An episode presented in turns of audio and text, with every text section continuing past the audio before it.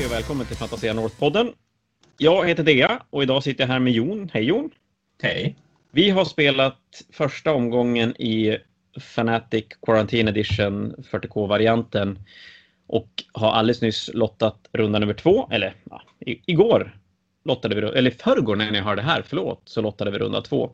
Så vi tänkte att vi skulle gå igenom runda ett resultat och även lite grann hur vi hade spekulerat. Men framförallt ska vi gå igenom matchupsen i runda två och spekulera lite grann hur vi tror att den kommer att kunna gå. Så vad säger du Jon, ska vi slänga oss in direkt på resultaten från runda ett? Jajamän, vi kan ju börja uppifrån. Och gå ja, men vi börjar uppifrån efter BCP-appen. Matcher vi inte har sett så mycket om eller hört så mycket om lämnar vi bara egentligen bara dela ut resultaten. Det känns onödigt att sitta och killgissa. Så vi börjar med Emil mot Marcus. Det var Death Guard mot Necrons. Då blev det en vinst för Death Guard med 13-7. Mortarion som styr upp det där kanske. Sen på match nummer två har vi Mikael Segelund mot Roger. Då är det Eldari mot Space Wolf.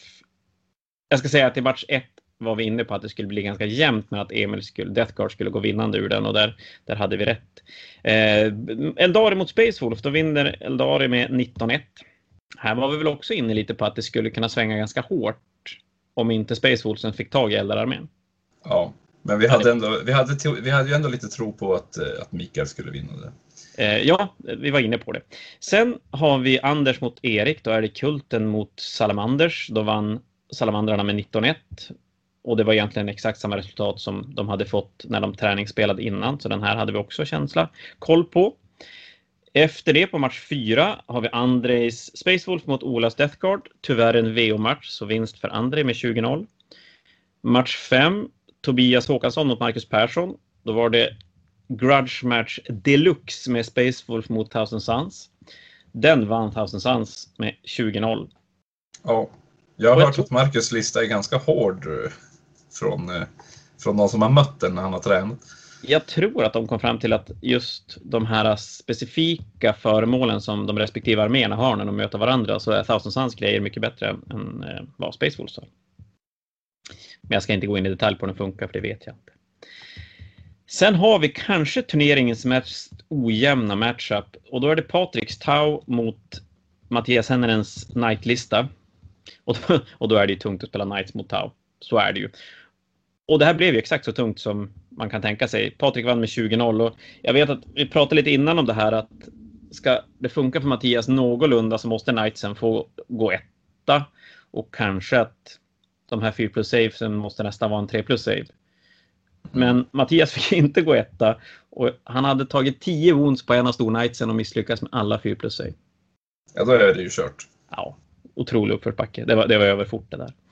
Eh, nästa match, nummer sju, så hade vi Linus Karlsson mot Kim Söderlund. Då var det ytterligare en nightlista mot Necrons och då lyckas Knightsen vinna med 17-3.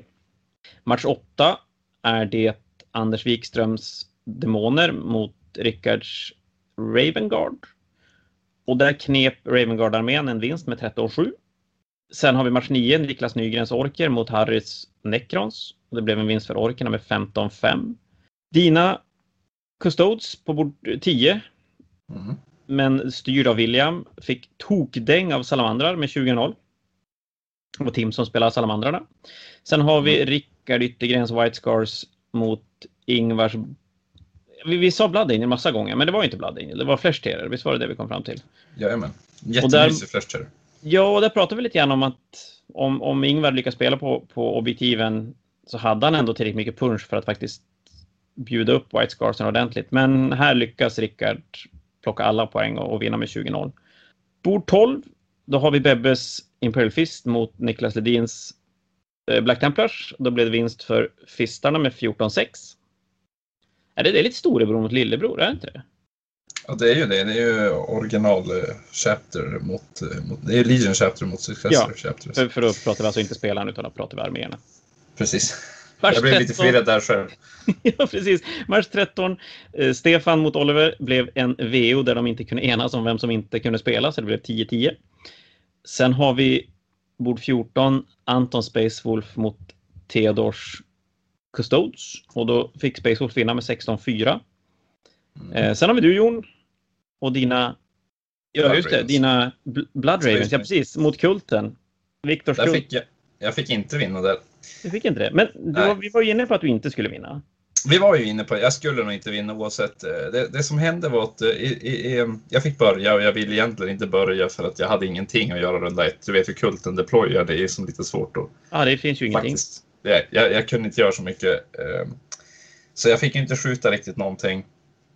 Men jag gick upp på bordet i alla fall och det är ju trevligt att kunna gå. Och sen fick jag dröm, dröm eh, sergeant kan jag säga i runda två när jag drog ner mina Terminators med Thunderhammer Storm Shield och de kunde få en eh, 7 tums charge, för jag buffar chargen med plus 2, på Hiveguard och hans, en, en enhet bilar.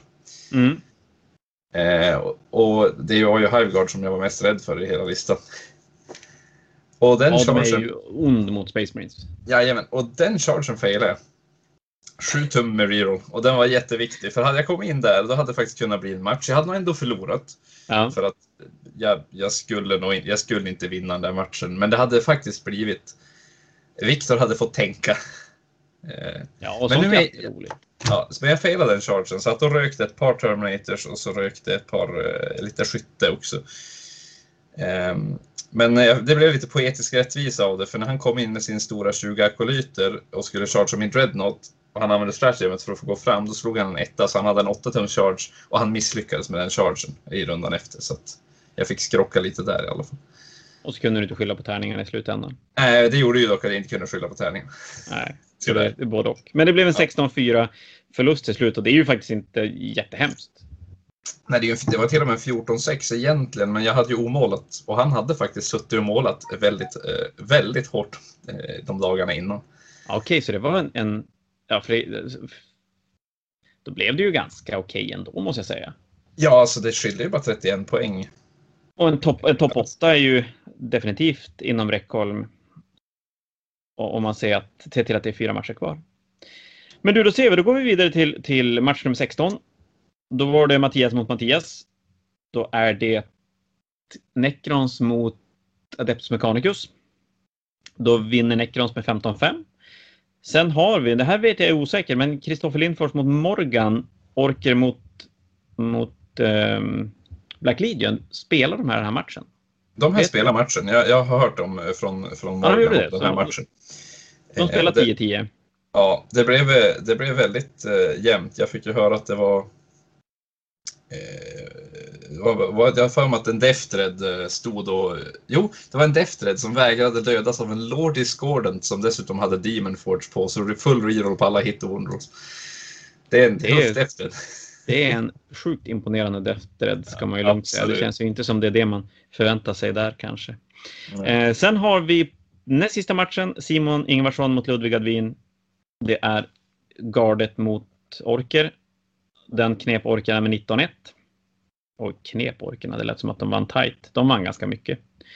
Och slutligen Elias mot jag. Då var det Necrons mot Tyrannider. Den lyckas jag vinna med 17-3. Och det var väl egentligen så att jag kände att jag lyckades isolera Silent King på ena sidan bordet. Ta hand om andra sidan bordet. Och bara låta Silent King göra sin grej. Så jag tappade den sekundära som den kronorna får tre poäng för en dödad enhet som dör av en Nobel. Och den kunde jag inte göra så mycket åt när Silent King går ut och dödar Rippers och Liktors till höger och vänster. Men resten lyckas jag som hålla ner hans poäng och lyckas plocka väldigt mycket main poäng själv. Så att, eh, det, gick, det gick bra, måste jag säga. Det gör att vi har, eller ja, det hade vi haft ändå. Vi har en runda två som vi hade tänkt gå igenom. Och då tar vi den samma sak. Vi tar den i den ordning som den har blivit parad. Så det här kommer inte riktigt vara i den ordning som de som de har placerat sig efter första omgången. Men vi, vi ska försöka påminna lite grann om hur det såg ut efter första matchen, även om poängen kan vara lite sisådär. Men då har vi på bord ett Mattias Jonsson mot Harry Brager och då är det Custodes mot Necrons. Båda de här förlorade första matchen och, och har någonstans fem poäng efter första. Och här är det väl, vi, vi, vi var inne på att Mattias Custodarmé, nej, inte Custodarmé, Admekarmé är väldigt, väldigt bra. Jag tror Harry får, får någonting ordentligt att bita i här. Ja, men jag känner att problemet här blir väl att nekronerna är ju sjukt stryktåliga. Jag kände det när jag spelade mot Elias första matchen att de dör, de dör ju inte. Det är helt galet. Nej, de, de, de tål mycket. Man måste ju fokusera ner en enhet i taget. Men här när det kommer in Electropriests och börjar slänga iväg, ja men de kan ju göra oändliga mängder Mortal Wounds. Ja, det gillar ju inte Necrons. Det gillar nej, nog väl ingen egentligen. Nej, nej, så är det ju. Det, ja, det är klart om man spelar så här 10 med gardister då kanske man skiter i vilket. Men, nej, men känslan jag får det är väl att jag, jag tror att Admec-listan kan gå in och faktiskt döda nekronerna. På så sätt kunna, ja, men inte behöva plocka sig supermycket poäng i början för att sen ta igen ganska mycket på slutet. Så jag tror ju att Mattias kommer att vinna den. Ja. Även om det nog kanske inte blir en 20-0 vinst. Jag skulle kunna tänka mig att det blir någonstans det han förlorade med första matchen. Att det blir en 15-5 någonstans. Ja, det är möjligt. Vi får se om vi är oense här någonstans. Kanske. Ja. Vi ser. Eh, nästa match, den här är ju faktiskt spelad. De här var snabb som bara den, så den spelades i kväll, alltså måndag kväll och vi spelar in den här lite senare på måndagen. Och då är det Andrei mot Patrik, så det är Spacewolf mot Tau.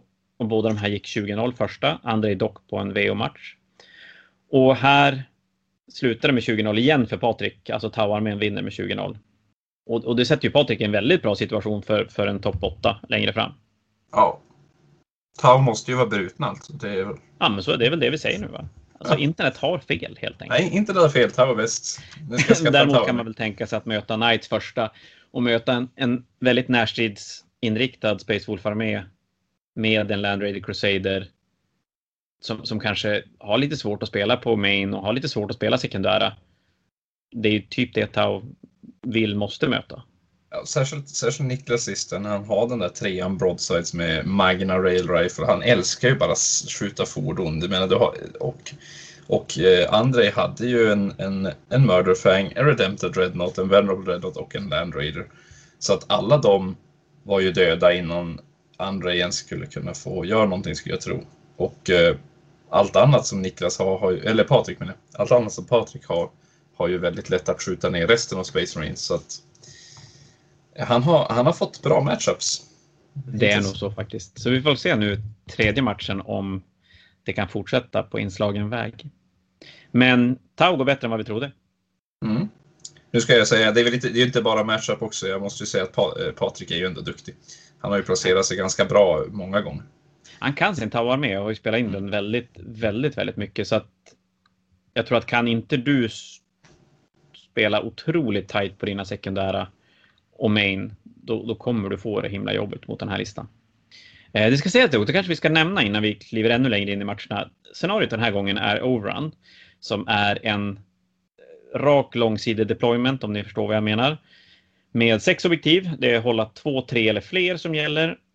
Och det scenariospecifika sekundära ger poäng om du håller objektiv i motståndarens zon och då är det ett som ligger i mitten i motståndarens deployment zone och, och så en på höger och vänster sida strax utanför deployment zone.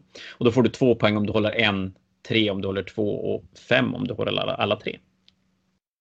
Att du inte Tau-spelaren spelade med det sekundära dock. Nej, det tror inte jag heller. Nej. Så match tre har vi William Nygren mot Ingvar. Då är det Custodes mot Flash Terrors. Båda de här gick 0 20 första matchen. Så det är lite svårt att säga vart vi har de här två spelarna.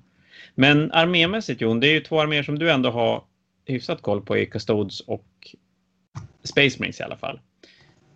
Kan Space Marine-armén slå ihjäl Custodesen? Jag gissar att det är det Flash måste göra.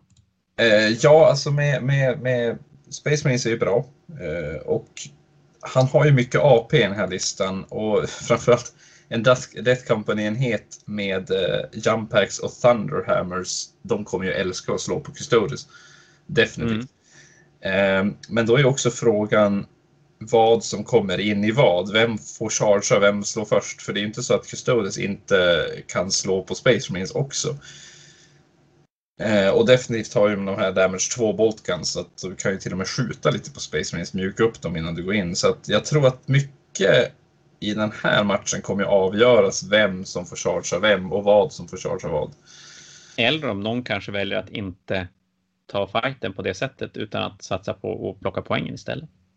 Definitivt. Men För där har väl eh, förstått en liten fördel med att de, de är obsec med alltihop. Jag vet inte mm. hur många bikes, hur många bikes spelar, spelar William?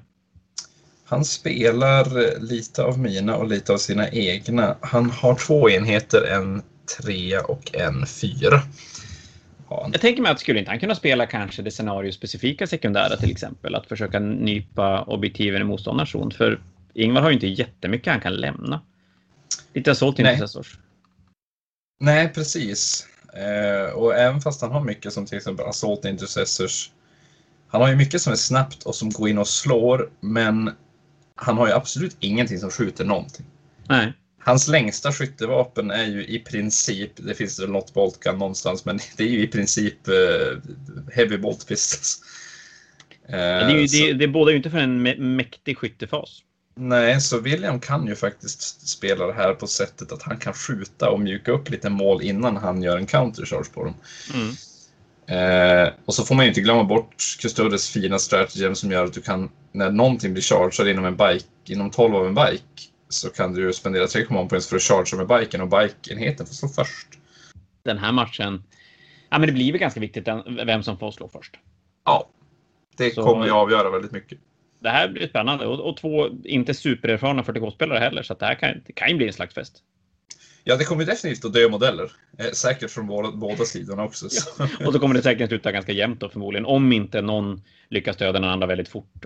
Och ha modeller och tid att, att plocka poäng. Mm. Eh, då ska vi se, men vi går vidare till match fyra. Då har vi Marcus Perssons Thousand Suns mot Ludvigs Orker. Mm. Jag vet att de här har spelat en gång innan. Och då vann Marcus jättemycket. Mm. Thousand Sun-listan skjuter ju faktiskt otroligt mycket. Ja, det gillar ju inte orkerna. Du har ju en jättestor Scarab Cult Terminator-enhet som får skjuta två gånger med ett strategy. Mm. Jag tror till och med det kostar bara ett poäng och då får de skjuta två gånger med sina Rapid Fire-vapen och det är ju fyra bolterskott med AP2 eh, per Terminator så det är ju... Jättemycket döda orker. Ja, till och med, till och med Mega Armor Nob som nu Ludvig kör mycket med dör ju väldigt fort av AP2 Boltguns. Ja, det är mardrömmen att möta. Ja. När det blir så mycket skott också. Jo, så jag tror att, eh, jag tror att vi kommer att se en, en eh, till vinst för Marcus. Men lite precis som i Marcus mot Brager eh, så kommer nog det inte kanske bli en 20-0 utan oftast när man spelat en match innan och den som, den som förlorar tenderar ju att lära sig mer. Ja, ja men verkligen. Det är, väl, det är väl det vi har sagt, i alla fall på Competitive-podden, att spela mycket, spela färdigt och förlora. Ja, förlora gärna, fast inte lägga sig då, men att du lär dig mer av att förlora än att vinna.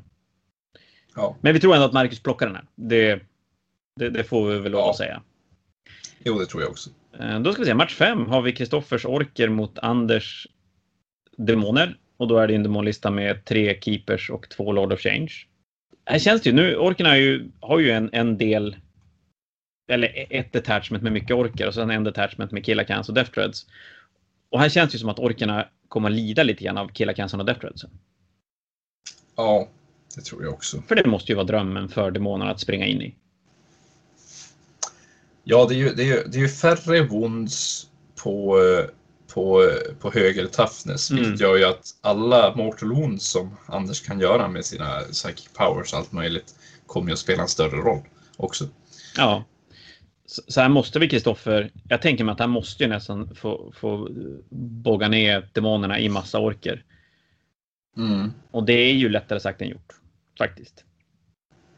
Ja, det är det. Det är, det är mycket demoner, det är starka demoner. Eh, men om Kristoffer lyckas hålla objektiven så att Anders inte kan göra det, ja. Ja, då kanske.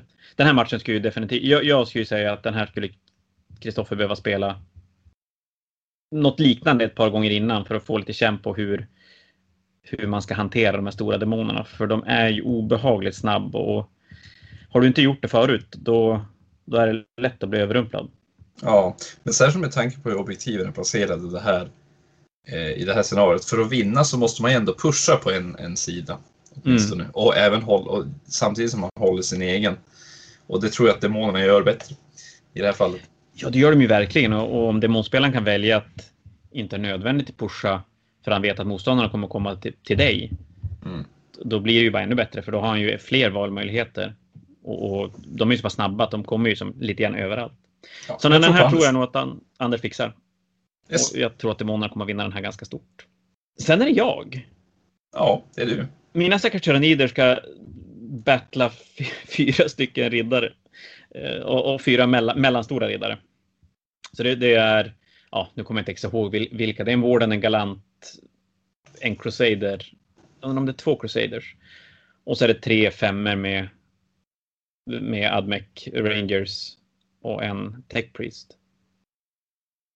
Ja. Och, och den här. Jag ska faktiskt ärligt säga att jag, jag har bokat upp en match mot Knights på torsdag för att se lite grann vad min armé kan göra mot riddarna. Kan jag ens? Jag är så osäker på om jag kan döda dem. En Highgardenhet som skjuter dubbelskjuter mot en Knight med 4 plus invo gör 12 wounds. På, skyttehörn. Nu är jag väldigt glad. Han spelar inte, nu ska vi se om jag kommer ihåg det rätt. Han spelar inte House Raven. För House Raven fick i Book of Rust som släpptes förra helgen fick ett stratagem som säger att man får bara slå med de modeller som är i baskontakt i närstrid. Ja, det ska, du vara, det ska du vara glad för att han inte kör.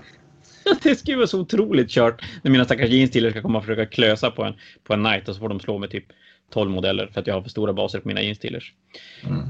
Jag, Äh, jag vet inte alls hur det här kommer att gå. Jag är helt in the, in, in the blanks. Jag, jag, jag hoppas kunna spela, spela objektivspelet klart mycket bättre. Och, och, kanske att jag måste sikta på att plocka ut hans femmer Skitari Rangers. Ja, du måste ju... Det, det, viktigaste för dig, som alla saker när man, när man möter saker egentligen man inte kan döda, är att man måste ju se till att du, du attackerar det du faktiskt kan döda. Så du ska ju attackera det som faktiskt gör skillnad. Och du måste ja. ju hålla, du måste ju hålla du måste ju spela på att du har kroppar. Eh, och du har faktiskt många olika typer av kroppar också, så att du kan ju plantera en tia på ett objektiv. Och om knightsen skjuter på dem, ja då har de skjutit på dem och istället, istället kanske för någonting större. Det är väl något sånt jag måste tänka. Det, det faran är väl att knightsen skjuter så pass mycket och jag har, de kan även braka in i närstrid även om det inte är en närstrids-knight och döda mina tio Hormaganter eller tre Ripper Swarms eller en Liktor eller vad det nu är för någonting. Ja, Men vem vet, det kanske är matchen där Swarmlorden ska få göra sin grej. Kanske. Kommer du inte ihåg när din Swarmlord dödade min uh, Wraith Knight någonstans när, i början av åttonde när de gjorde om? Ja. Och så sprängdes ja, den och sprängde alla tyrannider. det, var, det var den enda gången Swarmlorden fick göra det den, man tycker att den borde kunna göra. Mm. Men det kanske är dags nu. Nej, jag, jag lämnar den eh, osagd den här matchen, men jag kommer definitivt satsa på en vinst. Så är det ju. Sen har vi två 19 ettor på bord 7. Då är det Erik Salamandrar mot Mikaels Eldari. Och det här är ju en, en riktigt bra Space Marine-armé. Får vi ändå säga. Ja, det är det ju. Mot en jag vet inte, Eldararmén känns ju lite grann som att den har hamnat i ett läge där folk tycker att den är dålig för att internet säger att den är dålig. Och den har, ja, den har dålig procentvinst i turneringar. Men Micke är ju jätte, jätteduktig på att spela. Och det är ju en armé som, om du är duktig på att spela och kan utnyttja speeden i listan, har ju goda möjligheter att plocka jättemycket poäng. Han har ju faktiskt tagit det som är bra att ha. Han har ju faktiskt, även om Eldar som helhet är dålig, så är ju fortfarande en, den här listan han har gjort här, den är ju bra. Kan man, kan man säga så? Den är ju ja, men det, ja, men det tycker jag definitivt. Jag tycker det är relevant när man pratar bra och dåliga kodexar. Att, Okej, okay, det, det, finns vissa kodexar som är alltså, genuint svag, rakt upp och ner. Om man tittar Orker till exempel. De har väl inga riktiga sådana där. Vi tar det här, då blir det ändå ganska bra. De, de, har, de, de har ju fördelen i, i många modeller som har obsec. Ja, men det känns ju ändå som att Eldars fördel är ju att de är otroligt snabb. Och det är ju någonting som är superbra i 40K nu. Ja.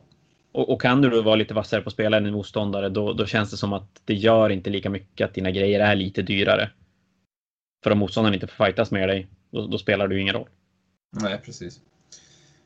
Eh, det här är ju väldigt spännande dock, för jag, jag ska inte riktigt kunna säga exakt eh, vem som kommer att vinna här, för att eh, jag är ju helt säker på att Mikael har byggt sin lista mot egentligen Eriks typ av lista. Men om man ska bygga en bra lista i, i turneringslista i 40K nu, då ska man ju vara bra på att ta bort Space Marine-listor. Ja, och det här är ju en typ av Space Marine-lista som, som, som skulle anses som väldigt, väldigt bra. Den har sina Eradicators, den har sina Inceptors, den har sina Bikes. Så, så den har hastigheten, har punchen. Ja, men den, den har lite allt möjligt. Ja, han har ju, Erik har ju verkligen allt möjligt från, från Assault Intercessors till Infiltrator till Bladeguard, Redemptor, Outrider Inceptor och Eradicator. Så att, ja, det, är ju, det, det ska bli spännande, men jag kan faktiskt inte, helt ärligt, inte riktigt ge ett uttalande om den här matchen. Som jag, kan jag, tror att, jag, jag tror att skillnaden i den här matchen kommer att vara att Micke gör hemläxan bättre än vad Erik gör. Jag tror att Micke Seldar kommer med en gameplan och, och är, är väldigt på det klara med hur den ska spela och vad som måste funka och vad som, vad som inte får gå fel. Jag tror mm. att Salamanders kommer att komma lite grann, lite mindre förberedd till matchen. Jag undrar om inte Eldari kommer att vinna, men, men listmässigt är det ju sjukt tajt. Ja, ja, som sagt, jag vågar inte säga någonting, men jag håller med dig om en sak. Det kommer ju definitivt att bero på spel här. Ja. Den som vinner, det är den som spelar bäst. Och pratar vi bara listor, då kanske jag skulle hålla salamandrarna, eller då skulle jag hålla salamandrarna som, som favoriter. Mm. Men inte med mycket. Så kan det vara. Det, det är snabba Shining Spears som är fantastiska på att plocka poäng. Och Space Marines framförallt. ja, och det är ju bra att döda Space Marines om man, om man möter Space Marines. Mm. Men du, nästa match då. Då har vi Marcus Necrons mot Niklas Black Templars. Och det här är också en sån här match som är lite svår. Mm. Black Temple-listan är lite oortodox med Landspeeder Storms, det är Vanguard Veterans med Chain Swords istället för Lightning Claws. Så kanske inte de här uppenbart bra valen i Space Marine-boken. Men det är fortfarande Nej. Space Marines. Ja, det är ju Space Marines. Och det finns Eradicators, två stycken enheter där. Och, eh, nu har jag ju spelat mina egna Terminators och jag vet ju att Terminators de, de de är ganska tuffa. Det är en stor klump som är svår att flytta på. Ja, och där kommer nackdel, nackdelen för Marcus Necrons. Att Marcus spelar Scorpic Destroyers och ganska många Scorpic Destroyers. Ja. Vilket gör att han måste in och bråka mot Vanguards, mot Terminators. Det går ju, men det är ju tuffare än om man hade spelat massa Necron Warriors eller Mortals och inte nödvändigtvis vilja gå in i närstrid. Nej, jag tror att det som kommer att hända här är att han kommer att... Han har som sagt Scorpic Destroyers och de kommer att bli nedskjutna. Mm. Jag, ser, jag ser redan här att, att, att Eradicators... Han har två enheter Eradicators och vad ska de skjuta på? Ja, men varför inte Scorpic Destroyers som rusar mot den? Och ja. Scorpic Destroyers har ju ingen överlevnadsmöjlighet egentligen mot, mot Eradicators. Nej, den, den är väldigt, väldigt liten. Det är de ettorna på bonden tror jag som, som får, får får ja. vara deras enda chans. De kan väl ge minus ett på en roll, men, men det är väl ja, det är bara på en enhet. Då skjuter man ju bara på andra. Ja, det är sant. Med andra enheten. Så det, det, det är väl Void Dragon då som får, får gå in och dominera. Ja, precis. Och Void Dragon gillar väl fordon visserligen. Jo, han vill hellre möta fordon de där mm. storm, mm. Landspeeder Storms, de ligger fara, farligt till. Ja, precis, men det är kanske inte det som är det värsta i listan heller. Nej, jag tror, jag tror här, här tror jag på Space Marines av att döma listorna mot, i matchupen så tror jag på Space Marines. Ja, jag ser detsamma. Men du säger sen Jon, bord 9, då är det du som kliver in och ska möta Theodors Custodes. Jajamän, så jag får möta lite gyllene, eller ja, i det här fallet så är det Shadowkeepers, men jag får möta en eh, tra, lite, lite traditionell Custodes När jag säger traditionell så kanske det är orättvist, för man kan inte bygga så mycket variation i Custodes egentligen. Det är lite som Harlequins. Det, det går inte ja. att göra några jättestora annorlunda listor. Mm. Men vad, vad, säger du om den här då? Du, du kan ju Custodes. Ja. Har du tillräckligt mycket punch för att ta hand om dem? Ja, det tror jag att jag har. Jag har uh, mycket AP. Och är det någonting Custodes avskyr så är det AP-2. Med, med, och AP-2 är ju väldigt lätt att få i Space Marines. Du har det på de flesta av dina heavy weapons har AP2 eller bättre i runda 1 och sen har du, går in till Tactical och får AP2 på de flesta av dina andra. Även AP1 är ju lite besvärligt mot, eh, för Custodes för att eh, För att de har ju, då har de ju bara 3 plus save och du vet ju när man slår 3 plus då helt plötsligt börjar man misslyckas med saker.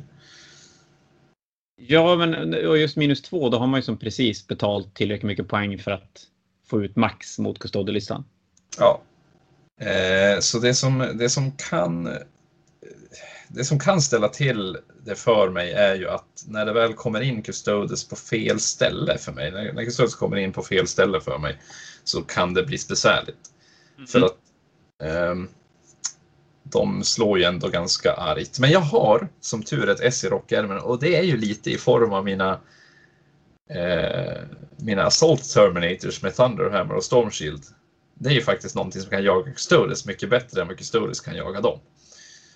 Ja, faktiskt. Eh, det... Det, det, så de, kommer bli, de, de tror jag kommer att göra faktiskt en skillnad i den här matchen. Så då ska du se till att vinna det här helt enkelt?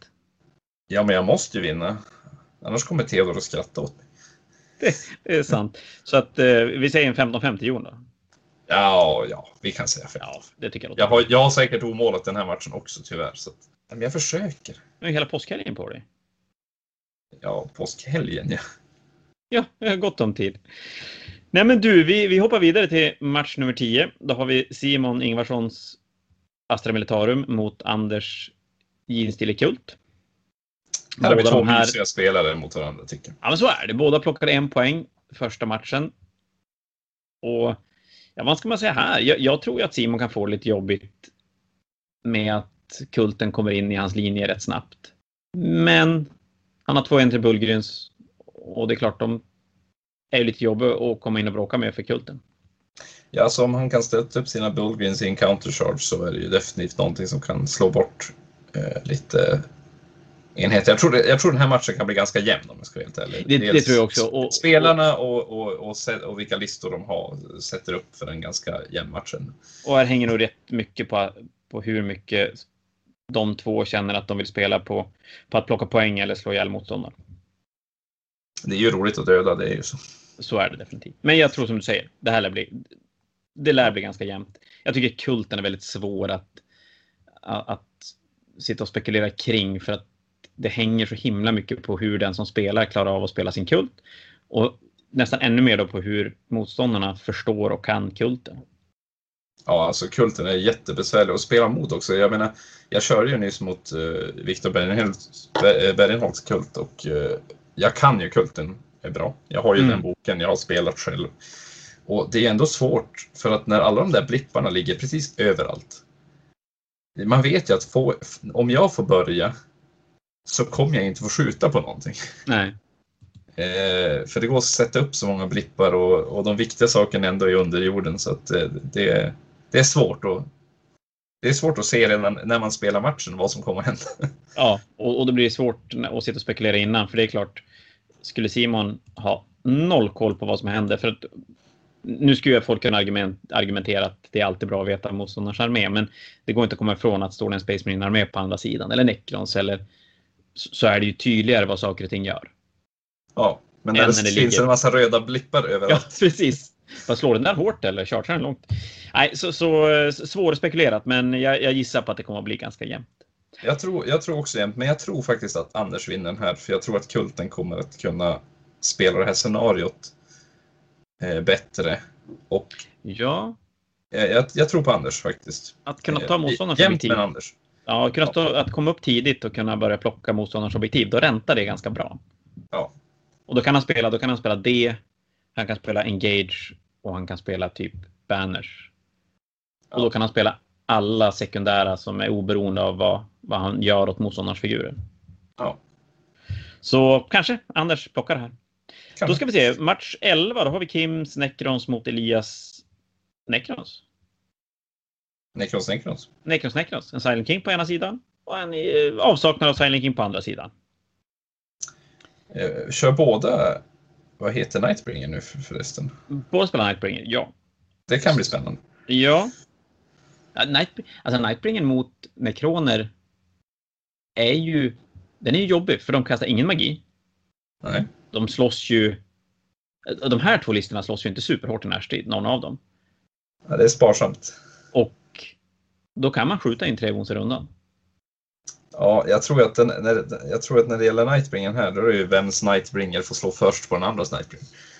Jag tror att man vill använda. Jag tänker mig att för Nightbringen, ja, Nightbringen kan ju slänga in Mortal Wounds på i, i en egen fas.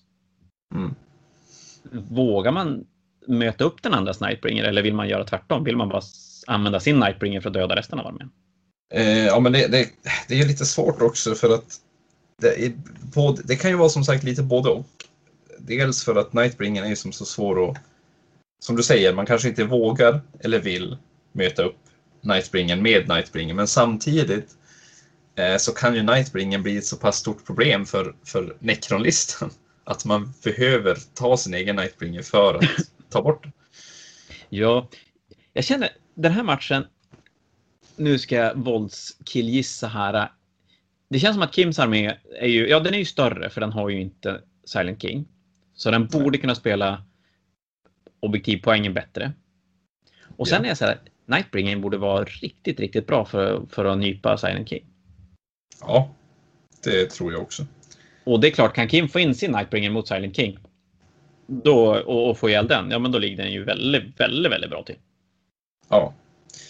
Men jag tror det här hänger lite grann på typen av lista. Eh, om man ska titta på listorna så tror jag att det hänger lite grann på också Tims mängd av figurer. Mm. Eh, jag tror att det kommer att jag tror att det är det som kommer göra att objektiven kommer att tas. För det här, som sagt, det är ju lite av en gunline. eh, Det här scenariot är lite av en gunline. Du har ju tre objektiv redan i ditt grepp från början, så den som vinner är ju den som kan pusha lite och det känns. Eh, jag tror att det ser ut som att Kim har mer möjlighet. Med fler kroppar har du mer möjlighet att pusha på ett ställe utan att tappa dina egna objektiv. Ja, definitivt. Så nej, jag tror att Kim vinner det här. Sen inte nödvändigtvis med 20-0, men, men kanske 15, 15-5, 16-4, någonting sånt. Sen match nummer 12 så har vi Rickards Ravenguards mot Stefans Custodes. Det var med tre Custode-arméer med i den här turneringen. Ja, Det är mycket ju... ne- Necrons och Custodes. Ja, faktiskt. Ja, det, det är ju Necrons väldigt väntat, Custodes väldigt oväntat. Det här, eh, rent spelmässigt är lite svårt att säga. Stefan spelade inte sin första match så vi vet inte riktigt vart de är någonstans. Men jag tänker med det här, det blir lite grann, vi har ju två stycken. Har vi, ja, men du ska ju möta Custode, så vi har ju en Space Marine Custode matchup sedan tidigare. Och vi har en, en Flash Terror Custodes matchup också. Mm. Och vad säger man här? Det är väl nästan samma sak. Att frågan är inte om Space Marines är ganska bra på att hantera Custodes ändå. Och jag tror det. Alltså, Space Marines har ju väldigt mycket som, som hanterar Custodes. Och sen har vi, här har vi, den här listan har, är ju också väldigt speciell. För det är inte kanske traditionell Space Marine om vi ska vara helt ärliga. Eh, det är ju en, vad är det, en Ravenguard Successor Chapter. Eh, som slår lite argt i närstrid. Eh, Flame Aggressors. Eh, det som är problemet kan man väl säga med, med, eh, med den här listan mot Custodes är väl att den, är, den har många enheter som vill, och, vill in och slåss, men inte riktigt vill in och slåss med Custodes. Nej. Eh, men å andra s- för jag tänker även aggressors, aggressors med flamers kommer ju behöva stå nära. Men aggressors med flamers är jag inte helt säker på att de är tillräckligt mycket för att ta ner en, en, en Custodes-enhet. Nej, det är de nog inte. Nej, det, men- det är nog fel typ av enhet mot Custodes. Precis. Eradicators är ju bra, men de är inte automatiskt bra mot Custodes. För rätt vad det är så sitter Invulnerable Saven lite för hårt. Mm. Eh, nog för att de... Alltså, Eradicators är ju fortfarande jättebra, men... Eh, Ja, men då är vi inne på det det är här att då har, du, ja, men precis, då har du betalt mycket poäng för att göra så otroligt mycket skada. Och när Invosavesen då sitter för Custode-spelaren, då blir det ganska kostsamt att ha betalt de där poängen. Ja. Men vi har en Repulsor Executioner på ena sidan och. Custode-armén har inte gett något, något rakt svar på en, på en Executioner, ska jag säga. Ganska skönt för Rickard att få möta Custodes just av den anledningen för att vi kommer nog sitta ett par gånger till under den här turneringens gång och säga att okej, Executioner kanske inte riktigt värd poängen. Många listor där den kommer inte att antingen kommer den inte att göra sin grej eller så kommer den bara dö. Men här kanske Mm. det är den matchupen där den faktiskt både kan göra sin grej och, och låta bli att dö. Ja, för att Custodes ska ta bort den så måste man ju slåss med den i närstrid, men inte ens då kommer den nog att, att dö. Det är för mycket wons på Tafnins 8 som, Ja, som är där. Så att jag, jag tror att eh, den här gången kommer den faktiskt få överleva. Det, och då, å andra då sidan, Rickard. ja, fast å andra sidan så kommer den ju inte att kunna hålla objektiv.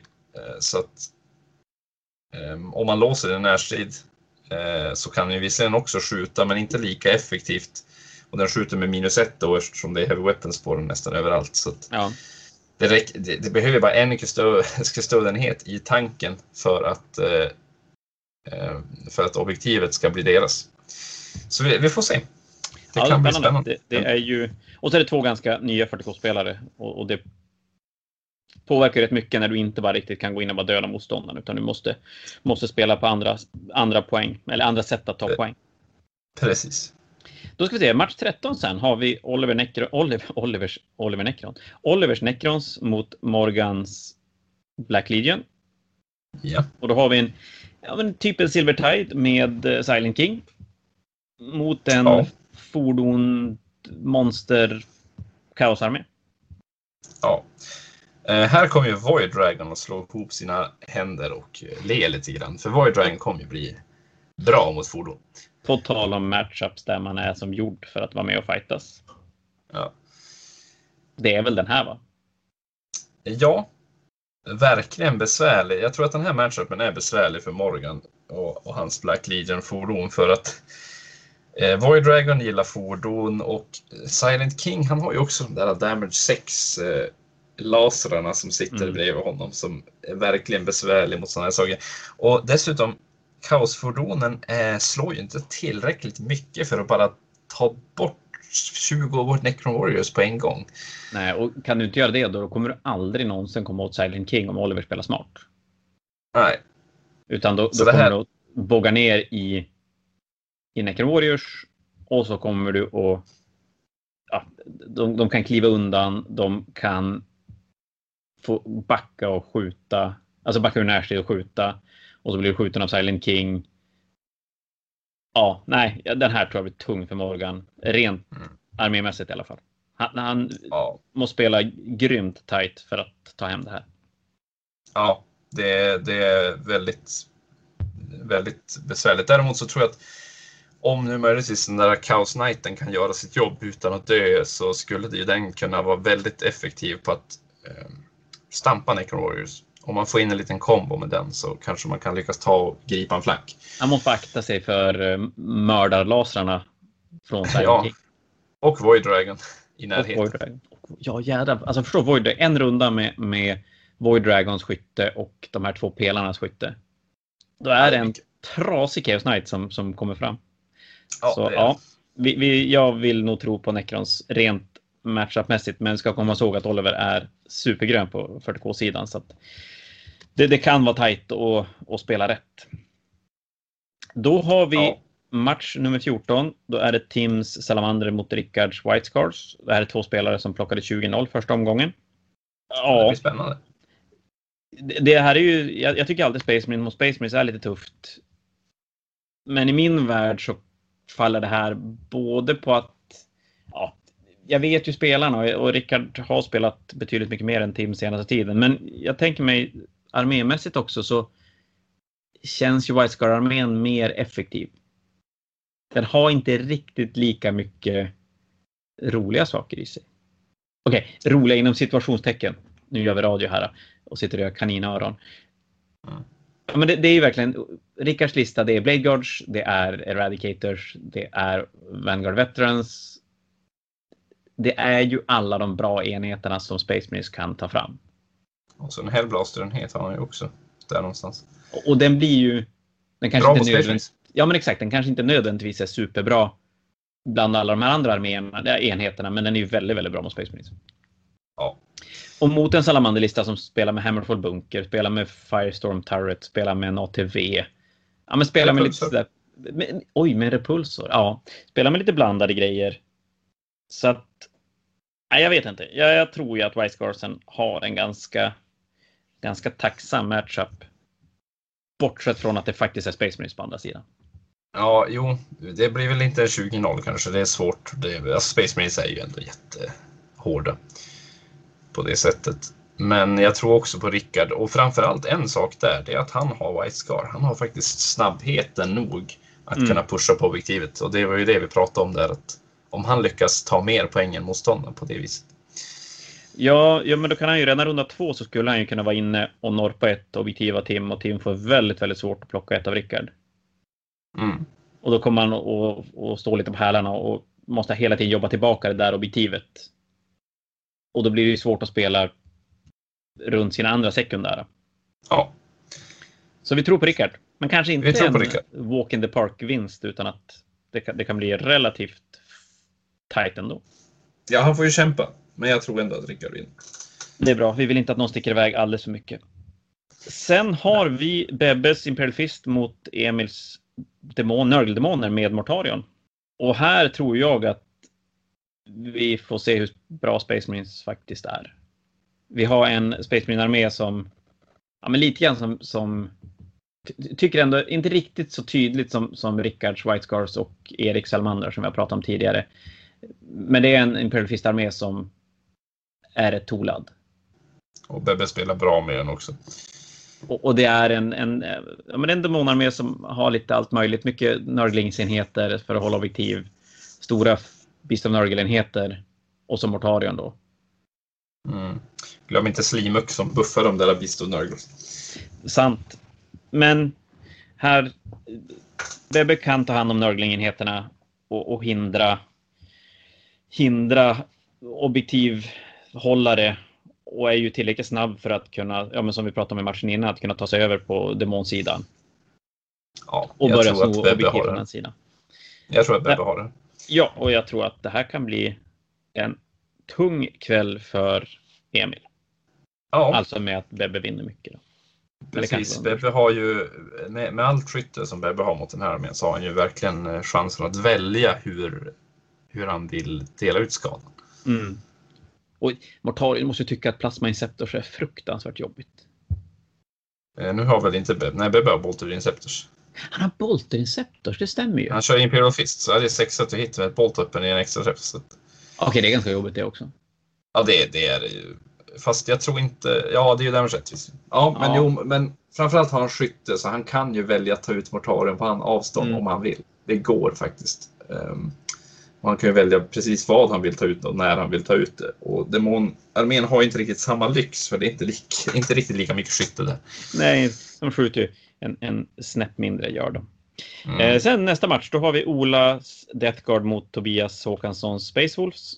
Det här var två stycken som förlorade 20-0 första. Ola på en VO däremot. Så att det här är ju väldigt svårt när vi, då har inte vi sett hur Death Guard-armén riktigt rullar. Så att jag tänker mig att den här matchen hoppar vi över och låter dem spela den utan våra visa ord bakom sig. Och så kommer ja. vi tillbaka till den sen. Ja, eh, jag måste bara säga att jag, har, jag, jag, jag måste ju bara heja på Mortarion av princip själv. Alltid heja på Mortarion. Ja, men då håller jag på Space Wolf. Då. Det, då, ja. då är vi, då, och så säger vi att det här kommer att bli... Eh, nej, vi säger ingenting. Vi går vidare. Match nummer 17. Mattias Hägglunds mot Niklas Nygren. Då har vi en Necron-armé mot Orker. Och här har vi också, vi har en Necron-armé som, som har lite lite allt möjligt. Jag har pratat med Mattias och det är, den, är, den är byggd lite grann efter vad som har hunnit målas och vad som har gått att få tag i från framförallt Indominus-lådor. Och så sen är det Niklas som spelar supermycket orker. Han spelar supermycket orker. Ja. Gör han. Och Gashkull. Och en till sån här uh, Fighter Warboss.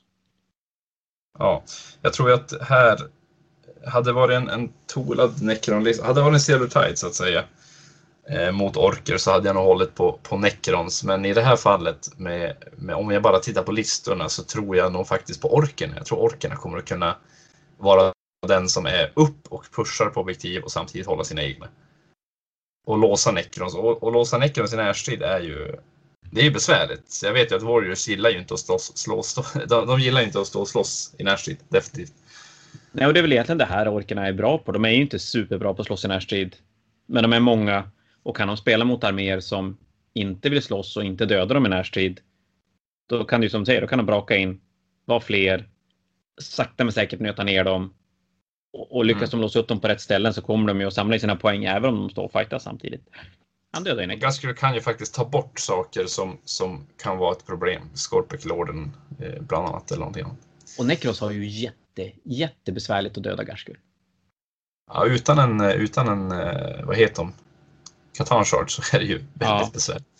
Det, det, är ju det, när man gör sina wounds mest i skyttefasen då i det här fallet så för just i närtid så tänker jag mig att Garskur kommer att ta hand om det som brakar in i honom. Ja. Och om Niklas spelar smart så ska du ju som inte kunna få in en charge på Garskull med, med massor med orker runt omkring honom. Så jag tror Niklas vinner det här. På sheer numbers. Eh, match nummer 18. Antons Space Wolf mot Viktors Kult. Och den här kulten har ju du mött då, så att du vet ju lite grann vad det här handlar om. Är det så att Space Wolf-armén, för Space Wolf-armén slår ju jättehårt och har ju några enheter som är så otroligt arga. Funkar det mot kulten? Eller blir det så att man jagar massa skräp och inte alls får valuta för det man, det man kan göra?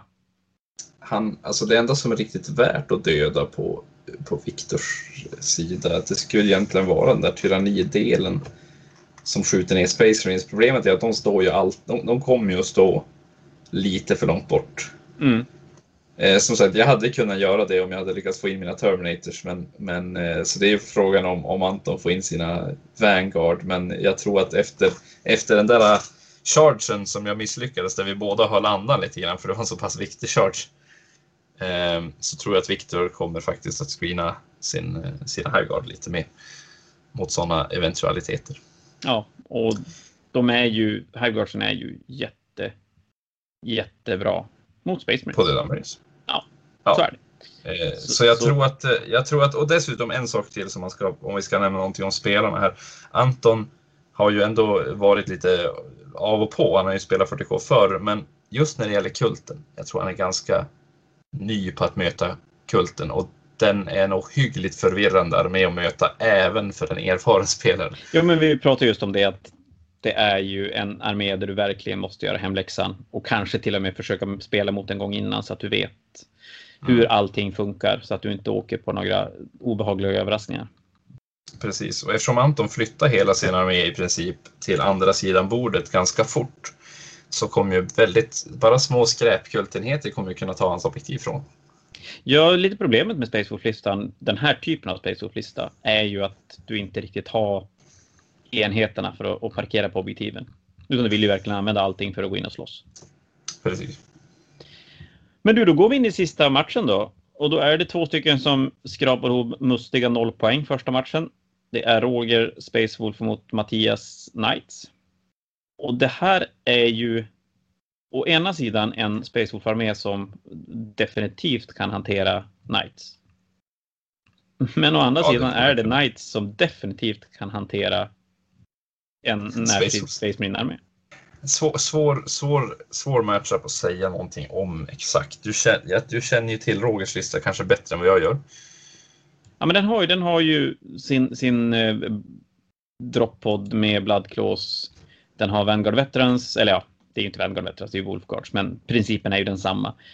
Den har Thunderwolf-kavalleriet och så sen har den Wolfens, tio stycken Wolfens faktiskt. Den har en långfängenhet med las cannons och sen har den aggressorenhet också och så sen två intercessorenheter. Så, så den, är, den har ju verktyg för att montera ner riddare. Men risken är ju egentligen precis som matchen innan här, Anton mot Viktor, att den kommer in i en riddare spenderar ganska mycket krut för att döda riddaren, kommer att ta lite stryk tillbaka. Och sen tar den sig som inte riktigt till nästa. Och då får Knightsen tu äh, turer på sig att skjuta däremellan och, och kan som plocka isär Spaceport-armén i bitar och hålla sig på som betryggande avstånd. Jag tror på den. Det, det lät jävligt smart tycker jag. Det, det lät smart. Vi, vi kör på det för jag vet egentligen inte riktigt vad jag ska tillägga. Nej, det, det, är lite lurigt när man inte ser Knight-spelare spela sig superofta, men eh, jag undrar ju. Jag, jag, jag tror nog att Knight-armén kan, kan hålla Space Wolves en lite bit bort. Skjuta ihjäl tillräckligt mycket för att de inte ska kunna uh, plocka isär Knightsen helt och hållet. Så ja. vinst till Mattias, sista avsluta med. Men du Jon, då har vi relativt fort gått igenom 19 stycken matcher. Och hoppas att folk Ja. har fått en liten insikt om vad som ska möta varandra och våra tankar kring det. Så kommer vi tillbaka när det här är färdigspelat med något typ av facit. Och fortsatta spekulationer inför tredje omgången. Jajamän. Det blir svinbra. Nu ska jag dyka ner i målarbordet och göra färdigt en Liktor. Så att jag är målad och inte tappar två poäng. Det är min plan. Jag tycker du ska göra samma Jon. Tack för ikväll Jon. Jag ska väl. Vi hörs. Ha det bra. Ha det bra. Hej då.